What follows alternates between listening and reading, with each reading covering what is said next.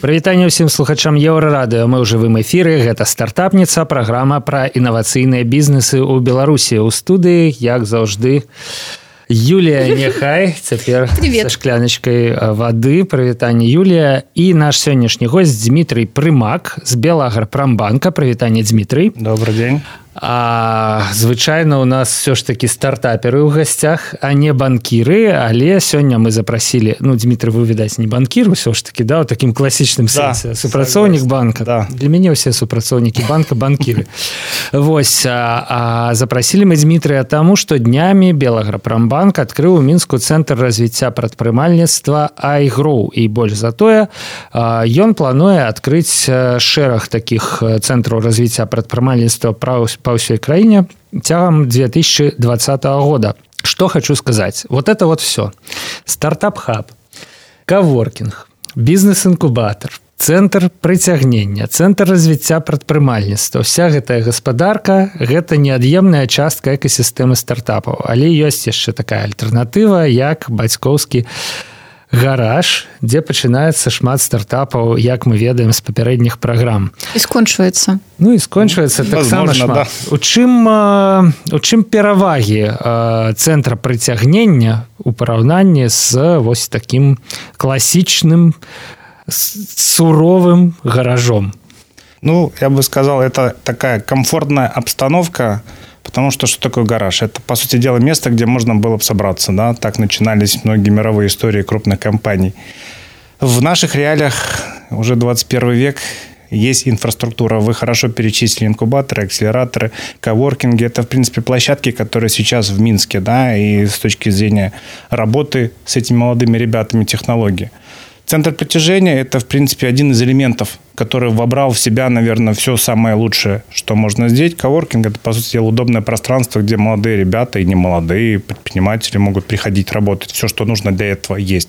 Не надо тратиться на офис, на аренду и прочие вещи. Чем интерес коворкинга, в отличие от гаража, да? То, что в этом пространстве можно найти единомышленников, можно найти людей, которые тебе могут в твоем процессе, в твоем стартапе, либо в той идее, которую ты сейчас прорабатываешь в комфортных условиях. Более того, наша практика белорусских стартапов показывает, что многие сплоченные команды и впоследствии продукт как раз создались в такой обстановке делового общения, взаимодействия. И дальше это привело уже к нашей белорусской истории, про которую uh-huh. все знают. А почему вообще Белагропромбанк заинтересовался этим направлением? Тоже вопрос интересный и правильный. Мы Меня банк государственный, да. да. Мы присутствуем во всех регионах. Для банка клиент является ресурсом и источником доходов взаимодействие с клиентами, предлагаем финансовые услуги, банк осуществляет свою деятельность, которая ориентирована точно так же на получение прибыли, как и любая предпринимательская деятельность. Мы понимаем, что а, уровень роста клиентов для нас, то есть юридические лица, предприниматели, которые в стране существуют, он из года в года где-то стабильный. Мы его называем естественный уровень предпринимательской активности. Понимаем и видим на примере стартапов и всего, что делается и в мире, и в других странах, которые уже не один год популяризирует развитие экосистем на разных уровнях взаимодействия, на страновом уровне, что это может привести к многократному росту людей, которые реализовывают себя в бизнесе. Угу. При том, что как инновационном, если мы говорим про стартапы, точно так же и про классические отрасли. Мы понимаем, в чем проблема. То есть проблема в том, что идейных людей очень много. Мы понимаем, что бизнес – это очень сложная и рисковая деятельность. И для того, чтобы сгладить вот эти границы между тем, что я бы хотел и я могу, существует определенный лак. Он состоит из компетенций, знаний, информации, которую предприниматель либо нарабатывает по ходу своей жизни, совершенствуясь, либо делает ошибки, учится на них, либо изначально все делает правильно. Вот суть центров притяжения – это, наверное, как раз создать ту площадку, центр предпринимательской силы, где можно прийти и реализовать свою идею конечный продукт. При этом воспользовавшись возможностью коммуникации, связи, бизнес-сообщества, которое мы планируем формировать вокруг центров притяжения и вписывая их в общую экосистему предпринимательства в стране. Потому что существуют и инкубаторы, да, существуют центры поддержки предпринимательства. И каждый из них решает локальную задачу. Понимая, что мы можем быть крупным сетевым игроком угу. в этой экосистеме, мы вот свой ресурс решили задействовать. И понимаем, что если в Минске эта деятельность уже активно ведется на протяжении лет, да, и мы видим, что многие наши стартапы появились именно в Минске, но при том родоначальники все, угу. это, как правило, региональные ребята, которые приезжали в Минск за компетенциями, за знаниями, за продвижением своих продуктов. Мы хотим этот опыт донести до регионов. И плюс еще вовлечь сообщество Минское, которое занимается активными стартапами, продвижением туда, в регионы, для того, чтобы людей, которые имеют идеи, показать, как с ними можно работать и как их доводить до логического завершения. И при том мы видим, что многие технологии, которые используют ребята в стартапах, от командообразования, работы в командах, подходов, планирования, да, они хорошо применимы и в реальном секторе экономики. Хотите вы там создать торговлю, булочную, парикмахерскую, такие понятные виды деятельности, да, это все применимо. А, вы очень интересно ответили на мой вопрос, и на Я самом деле у меня... не зразумеў, чаму менавіта Белаграпромбанк. Ну, то бок, у нас большой принципе, ресурс. Любой банк мог бы заняться такой деятельностью. Наверное, мог бы. Подается. Но мы подходим сюда со своей миссией, потому что надо понимать, что бизнес требует затраты, деньги. Мы тоже понимаем, но мы данным проектом работаем на долгосрочную стратегию. Понимаем, что какой объем работы требуется совершить, и мы, в принципе, с такими трудными отраслями работаем угу. в стране, да, мы понимаем, сколько это требует усилий, каких компетенций, и, в принципе, какой результат это может сулить. В долгосрочной перспективе мы хотим выйти, когда в регионах, в районах, там, где сейчас создается там, по 3-4 юрлица в год, чтобы эта цифра многократно увеличилась. И мы как банк... Ну, какой у вас KPI на конец года следующего? И а... как вы его исчисляете? Допустим, Драгичин, Барановичи. KPI а, – количество бизнес-планов, которые вам приносят, количество стартапов, которые появились, количество стартапов, которые привлекли инвестиции. Это вы тоже, в общем-то, анонсируете. И, да, это KPI, который мы, я думаю, по итогу следующего года себе поставим, потому что, опять-таки, а. Драгичин и Барановичи понимаем. Мы специально выбрали такие пилоты, угу сложные с точки зрения понимания бизнеса, бизнес-активности в регионе. И для нас очень важно будет получить вот эту первую обратную связь от бизнес-сообщества. Кстати, вот э, период активного открытия прошлой недели, да, показали и дали обратную связь, насколько сообщество реагирует на такие вещи. То есть сначала настороженность, да, условно, там Драгичин, там город с численностью до 20 тысяч, угу. то есть живет своей жизнью, мы там как банки есть, да, у нас обслуживаются клиенты, есть бизнес-сообщество, которое живет, по сути дела, своими проблемами, задачами.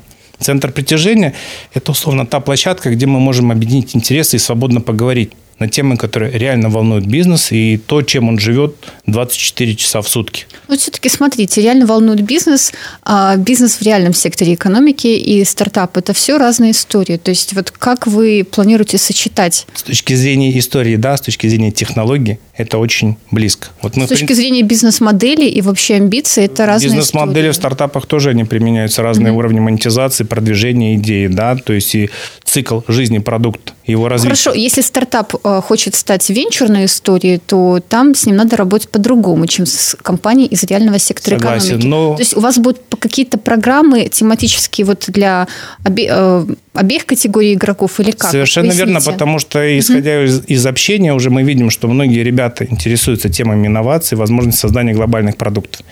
И они, как правило, их много в регионах. То есть у него задача либо ехать в Минск, либо ехать куда-то для того, чтобы хотя бы поделиться своей идеей. Через ну, центр притяжения это можно сделать будет гораздо проще угу. с точки зрения реального бизнеса. Угу. Да?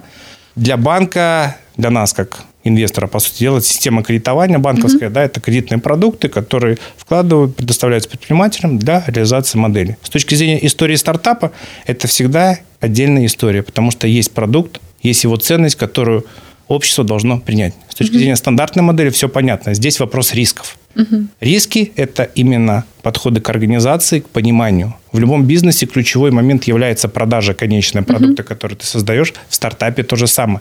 Ты можешь продать идею, ты можешь продать продукт, ты можешь продать свой бизнес как таковой. Угу. Такие истории есть. Поэтому технология работы со стартапами, она хорошо трансформируется в работу с бизнесом. Какие-то стадии отпадают, но это может быть формализовано. И мы хотим это дело применить. Более того, э, для себя как бы итоговую цель формируем по этому mm-hmm. концепту, да, это технология, реализация предпринимательской инициативы, если тезисно коротко сформулировать. По сути дела, какой-то, какая-то последовательность действий, которая всегда тебя может привести от идеи mm-hmm. до конечного продукта. То бок нейкіх лічбавых KPI нема Яны такие абстрактные да сейчас они не абстрактные мы их для себя определяем с точки зрения вовлечения бизнес-сообщества да с точки зрения проведения мероприятий которые позволят их туда вовлечь. То есть надо Какие создать мероприятия у вас будет уже в январе-феврале? В январе мы посвятим ряд э, цикл мероприятий именно для начинающего бизнеса. Угу. то есть вот тот первый шаг который он готов сделать. Мы видим по многим другим мероприятиям, которые в стране проводятся, что бизнес-идеи у людей есть. Угу. Они активно ими делятся. Но в чем проблема? Идея – это идея. Идея, как правило, ничего не стоит. Это вам скажет любой венчурный ну, да. инвестор, да, потому что в нее нужно вложить душу, энергию. Идея – это гипотеза. Гипотезу нужно проверить. Для того, чтобы проверить, нужно вовлечь людей.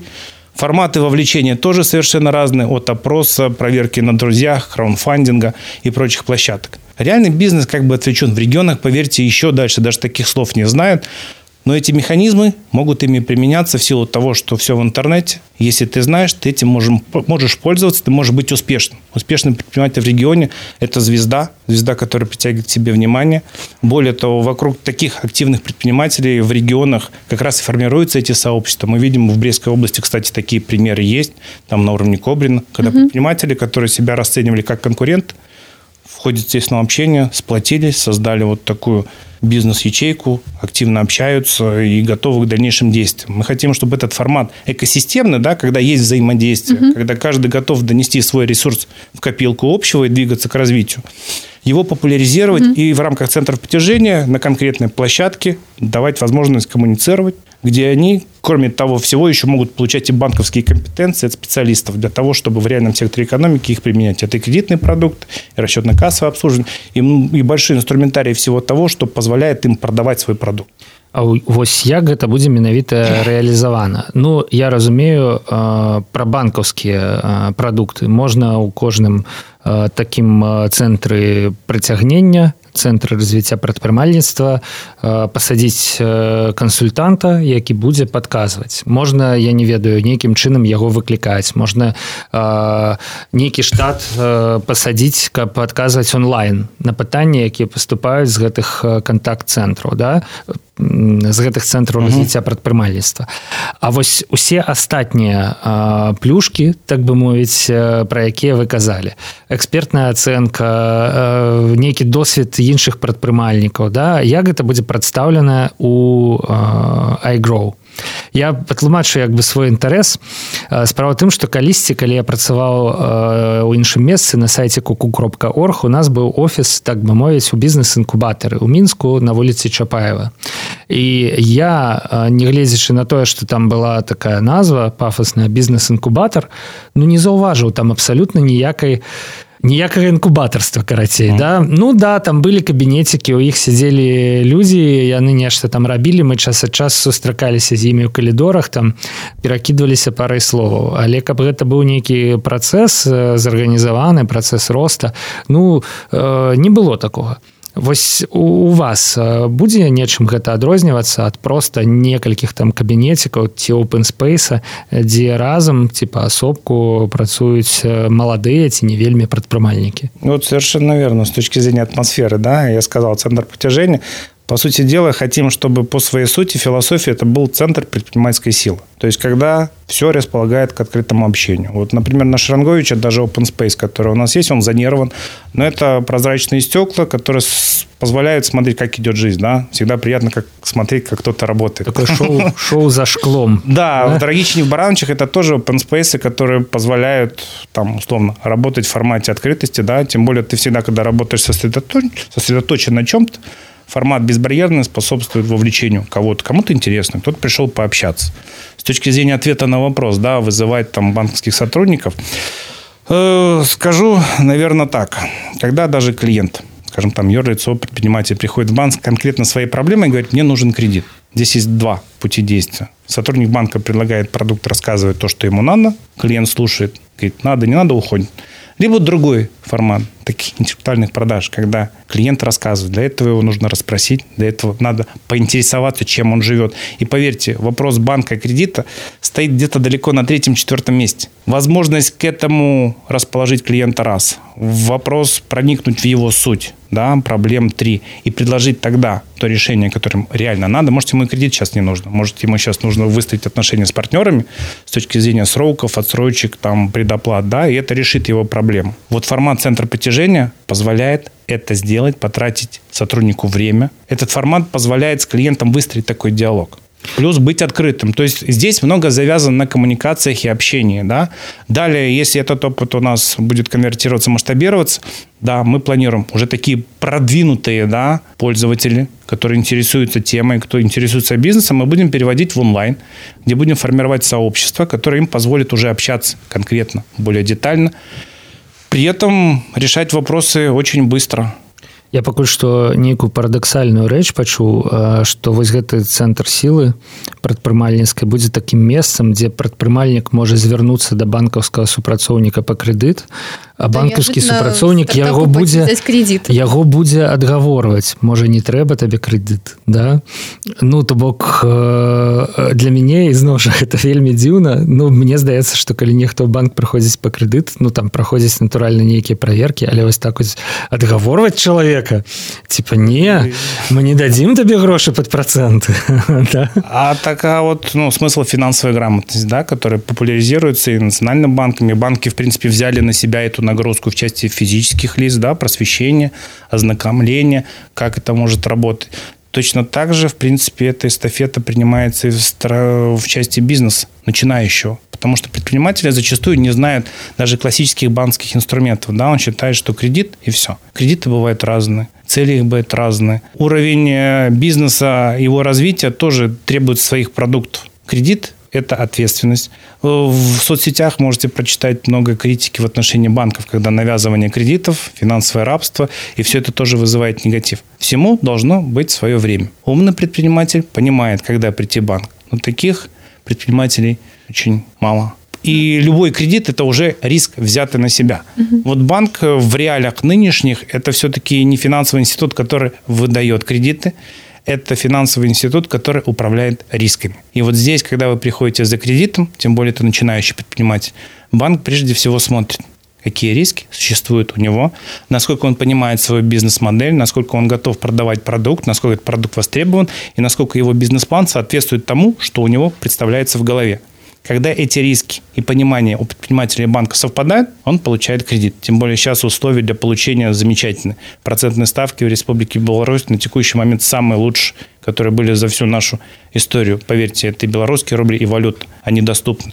Более того, говорю, что на текущий момент большая вероятность того, что банк сам может к вам прийти и предложить кредит взять, потому что вас видят, вас оценили и вам предложили, что вы можете это взять. Ну, вы... Инвестиции может банк предложить? Я так само Конечно. хочу запитаться. Вы это бачите... Если мы говорим про кредиты, то мы говорим, естественно, кредиты и в долгую. Да? Это инвестиционные цели, тем более, что сейчас кредитные продукты, которые предлагает наш банк, которые предлагает наш банк в партнерстве с Банком развития, это достаточно большие периоды, до 10 лет. Угу. То есть... Ну, але вы все ж таки как кредит это расцениваете, а не как э, уваходжанне у той ці іншы проект проект, там, стартап? В долю. Э, на текущий момент нужно понимать специфику банковской деятельности. Да? Она регламентирована, она под контролем регулятора в лице Национального банка. Есть ряд правил, по которым банк работает. На текущий момент то, что у банка есть, это возможность кредитования в соответствии с требованиями Национального банка, со всеми подходами к резервированию, к оценкам рискам. То, о чем мы говорим, да, в, теоретически, в теории банк может входить в уставные фонды стартапов, но это концептуальное решение, которое принимает учредители банка, в нашем случае государство. Есть другая модель, когда государство предлагает инструмент. Вот сейчас Банк развития активно, ну, как они анонсируют, прорабатывает этот вопрос. Применить технологию венчурного в части нашего, наших белорусских реалий и для того, чтобы на небольших суммах показать. Но это такая проработанная схема, которую должны все понимать, и банки в том числе, потому что мы ежедневно находимся под контролем Мы понимаем, что эта сфера высоко рисковая, и эти риски нам надо правильно оценить. Но мы уже там приближаемся к этой идее, что небольшими суммами, как раз вот для, для начинающих предпринимателей, там, где есть экспертиза, там, где мы эту экспертизу можем получить, такие продукты мог, могут уже в скором времени появиться и условно там 5-10 тысяч белорусских рублей подъемных в виде кредита, да, вот для такого стартапа в классическом понимании нашем белорусском, я хочу заниматься бизнесом, это уже реально. Про стартапы классические в международном масштабе, как мы понимаем, инновация, которую нужно оценить, которая имеет глобальный масштаб, это все-таки, наверное, история венчурная. Туда вкладываются люди, которые понимают, да, и это, наверное, правильно. Далее опыт и российский мы изучаем, смотрим, то есть э, создание дочерних фондов при банках, при финансовых структурах, это тоже реальная история, которая наполняется компетенциями людей, понимающих в этом. И дальше вот эта связка финансовый институт, венчурный капитал. Тем более, опять-таки, участие тоже может быть разное, да, когда мы видим экспертизу венчурных инвесторов, да, мы видим экспертизу сообщества, банк тоже готов какой-то части участвовать в таких проектах, и это, наверное, диверсификация риска, которая устраивает все стороны и способствует развитию вот э, всего этого направления. А насколько банку вообще интересны стартапы? Стартапы очень да. интересно. Вот с точки зрения, погружаясь в эту тему уже не один год, да, придя к ней, ну, такое, это клиенты нетрадиционной ориентации в кавычках. Я имела в виду с точки зрения инноваций все-таки. Инновации, нет. Угу. Вот я просто говорю, эти, ну, в любом случае стартап это в итоге юридическое лицо, да, угу. в нашем понимании, которое занимается каким-то видом деятельности. Таких клиентов по статистике, которая в Беларуси уже проведена, порядка тысяч юрлиц, которые себя в этой области развивают, являются стартапами как таковыми. Ментальность команды, людей, она отличается от классического бизнеса, да, и с точки зрения взаимодействия это интересный момент, потому что для того, чтобы с ними сотрудничать и понимать, что они делают, в них надо вот через такой формат проникнуться их идеей и вместе как менторы, да, вот участвовать в их работе. Классическая банковская работа не всегда к этому располагает, mm-hmm. потому что есть конкретные задачи, KPI, которые не позволяют отвлекаться на эти задачи. С точки зрения инноваций, да, то, о чем второй вопрос. А, многое, что создают стартапы, применимо в финансовом секторе. Сейчас много финтехов, Финтех, которые как раз да. приходят. Да? Угу. Что делает стартап-группа из трех-четырех человек, создает технологию, которая значительно оптимизирует процессы, ускоряет и, в принципе, дает глобальный масштаб. Многие крупные корпорации идут по этому пути. Покупают стартапы, покупают команды, внедряют их в свои экосистемы внутренние. Именно с точки зрения минимизации затрат, получения высококлассных специалистов и выступая с такими новаторами на рынке. А вы? Мы тоже идем по этому пути. И надеюсь, что в ближайшее время мы реализуем даже свой внутренний корпоративный акселератор. Mm-hmm. Мы сейчас активно продумываем, поскольку Белагропромбанк, все-таки агросектор – это наша вотчина, mm-hmm. мы за нее рьяно стоим и видим, как инновации, которые создают стартап, применимы в этом секторе. Это очень популярно вообще. Очень популярно. Нет, так, более того, так в мировом есть. масштабе угу. количество стартапов в агросекторе растет, да. Э, к объему венчурного инвестирования тоже есть там уже зашкаливают. И наша белорусская Не история. Кстати, вот на агротехконференции во время Всемирной угу. недели они презентовали.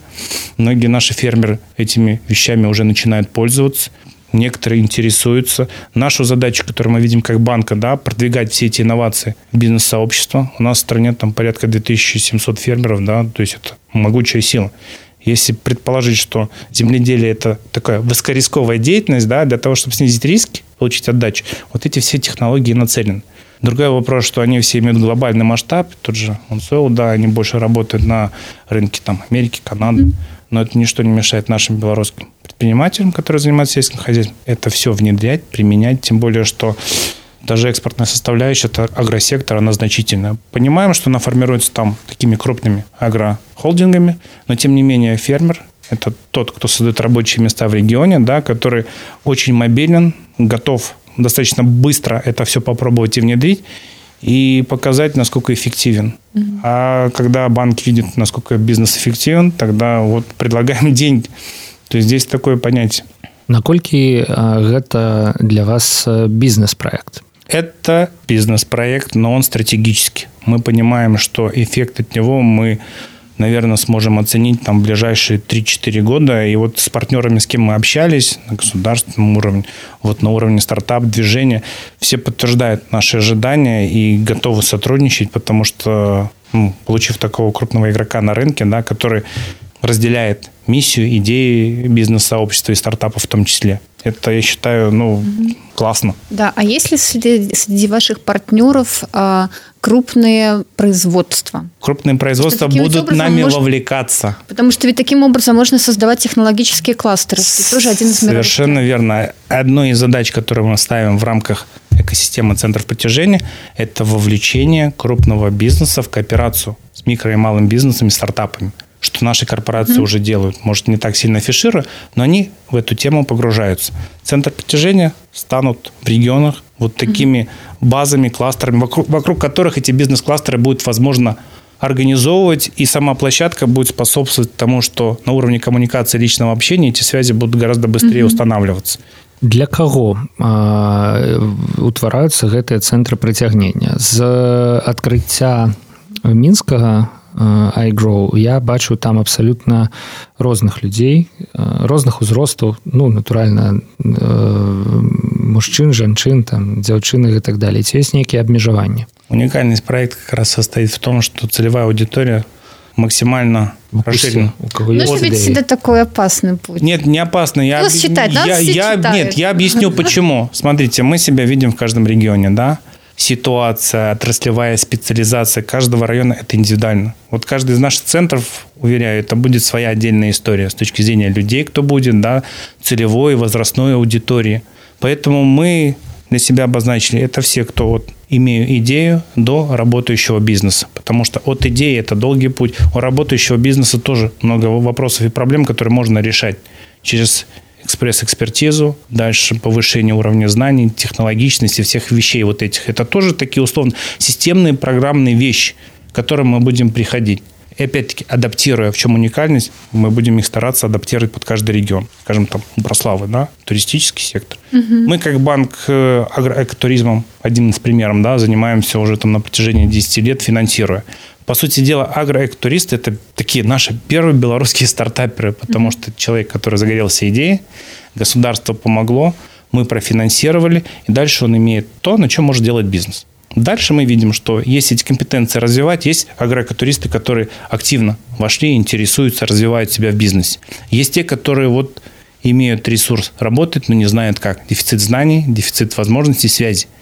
Это колоссальная масса, и на этом примере мы, мы видим, как можно за короткий период времени создать предпринимателя, и дальше мы понимаем, что это масса, с которой можно работать, и с которой давать им рост. И вот, наверное, плавно переходя iGrow, да, расшифровать почему. iGrow, я расту. То есть основной посыл, миссия – человек. Центр притяжения ориентированы на человека, который хочет расти. Есть тут некий след и магуру, видать. Возможно.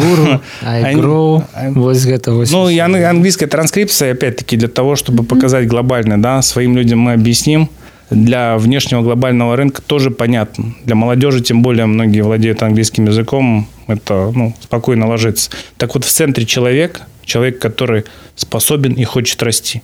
А дзе вы вось напрыклад у баранавічах ці ў драгічыне возьмеце экспертызу каб ацаніць той ці іншы бизнес-проект смотрите экспертиза это и местное экспертное сообщество есть активные предприниматели которые да, работают видим большой спрос со стороны Минска угу. то есть консультанты которые эти компетенции обладают которые готовы ими делиться они для себя тоже видят региональный рынок да потому что Минск это да. плотно, рынок поделен, рынок используется, и уже многие, скажем... Многие бизнес-ангелы охотно ездят по региону. Совершенно верно, то есть да, эта практика есть. компетенциями. Есть момент первый, да, это целевая аудитория, то есть возможность ее собрать где-то, да, собрать в такой нестандартной. Таких площадок в регионах очень мало. Угу. Минск место, где это возможно сделать. В регионах, вот даже наше открытие центров притяжения, оно показало так мало. Ну, как-то вроде приходишь в банк, и что-то уже не так, да. Это в, чем? в банке все находится? Да, это банк. Угу. То есть это наш это помещение. банковского да, просто есть. формат помещения переформатирован, угу. сделана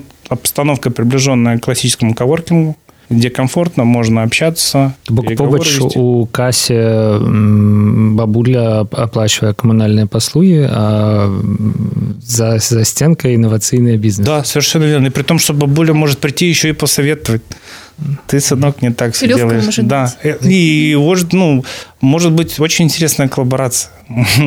Мы вот в предвкушении, что это возможно, и нам просто интересно, как это будет получаться. И мы понимаем, что эти, мы готовы к этим интересным вещам. Угу. И более того, мы хотим их популяризировать в будущем. Все ж таки ведаеце вось барановичу для журналістаў вось реально учора абмяркоўвалі што есть два горада ліда і барановичі дзе просто сталіца крымінала. Не был не, не бывае дня калі з барановичу не прыходзіць якая-небудзь трэшовая навіна.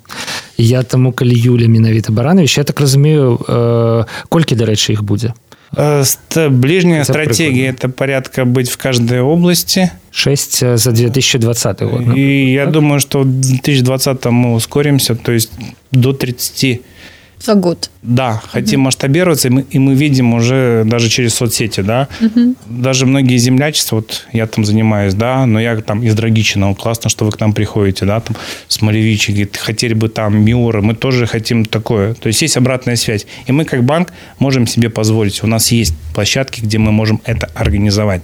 Угу. Нам интересно, чтобы бизнес-сообщество высказало свою потребность, и мы ее видим. Дальше, приходя в регион, мы понимаем, что есть с кем работать, и дальше через вот людей с активной позицией, да, формировать вокруг себя сообщество. Про Баранович. Да, всякие вещи есть. Я, кстати, сам э, из Барановича родом, да, вот после школы поехал, поступил.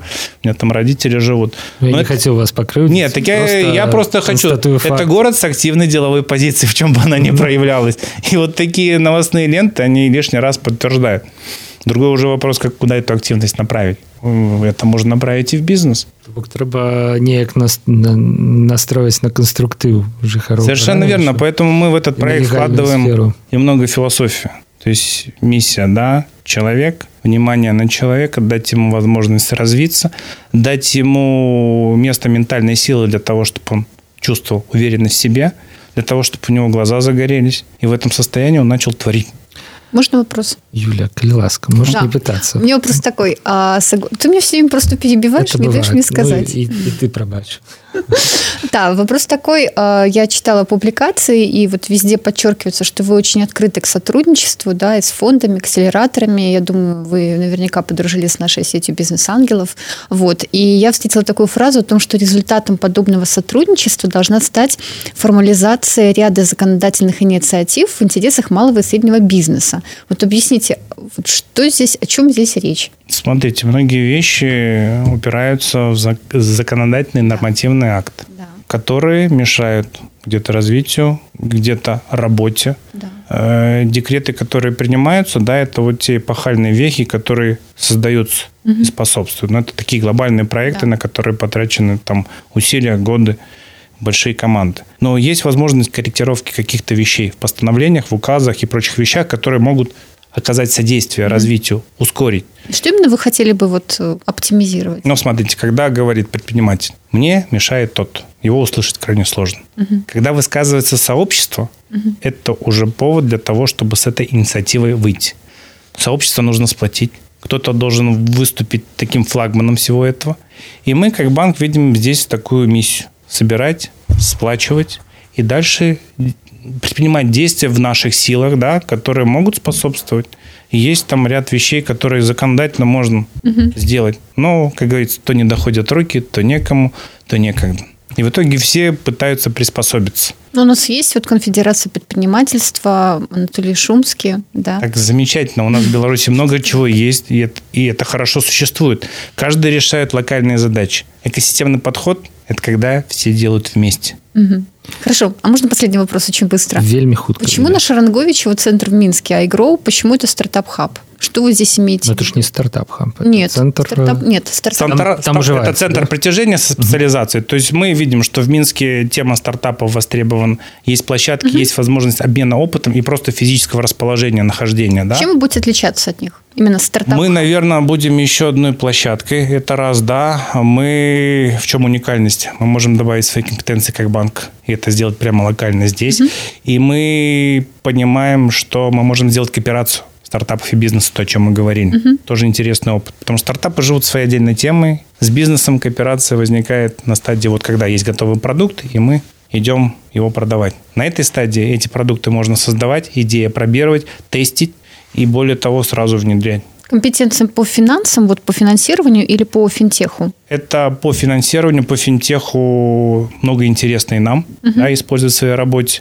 Э, отслеживая финтехи, ты лучше понимаешь, куда идет тренд, да, uh-huh. то есть в последнее время там блокчейн, блокчейн, куда его ставить, как его применить, большой вопрос. В банковском сообществе, поверьте, Я тоже много-много вопросов. Uh-huh. Но хорошие кейсы, пытаться их изучать, внедрять, вставлять в бизнес-процессы, это тот опыт, который позволяет тебе быть в авангарде в это движение. Што ж сябры на гэтым мы сканчаем стартапніцу дзякуй нашаму госцю Дмітрыю Прымаку з Белаграпрамбанка пабачэння Юлія Няхай а, ты хто зараз Юлія я? Фрилансер ну, почему я стартап-энтузиаст фрилансер і стартап-энтузиаст вот. Юлія Нехай Павел Сярдло гэта была стартапніца пачуемся на еўрарадыо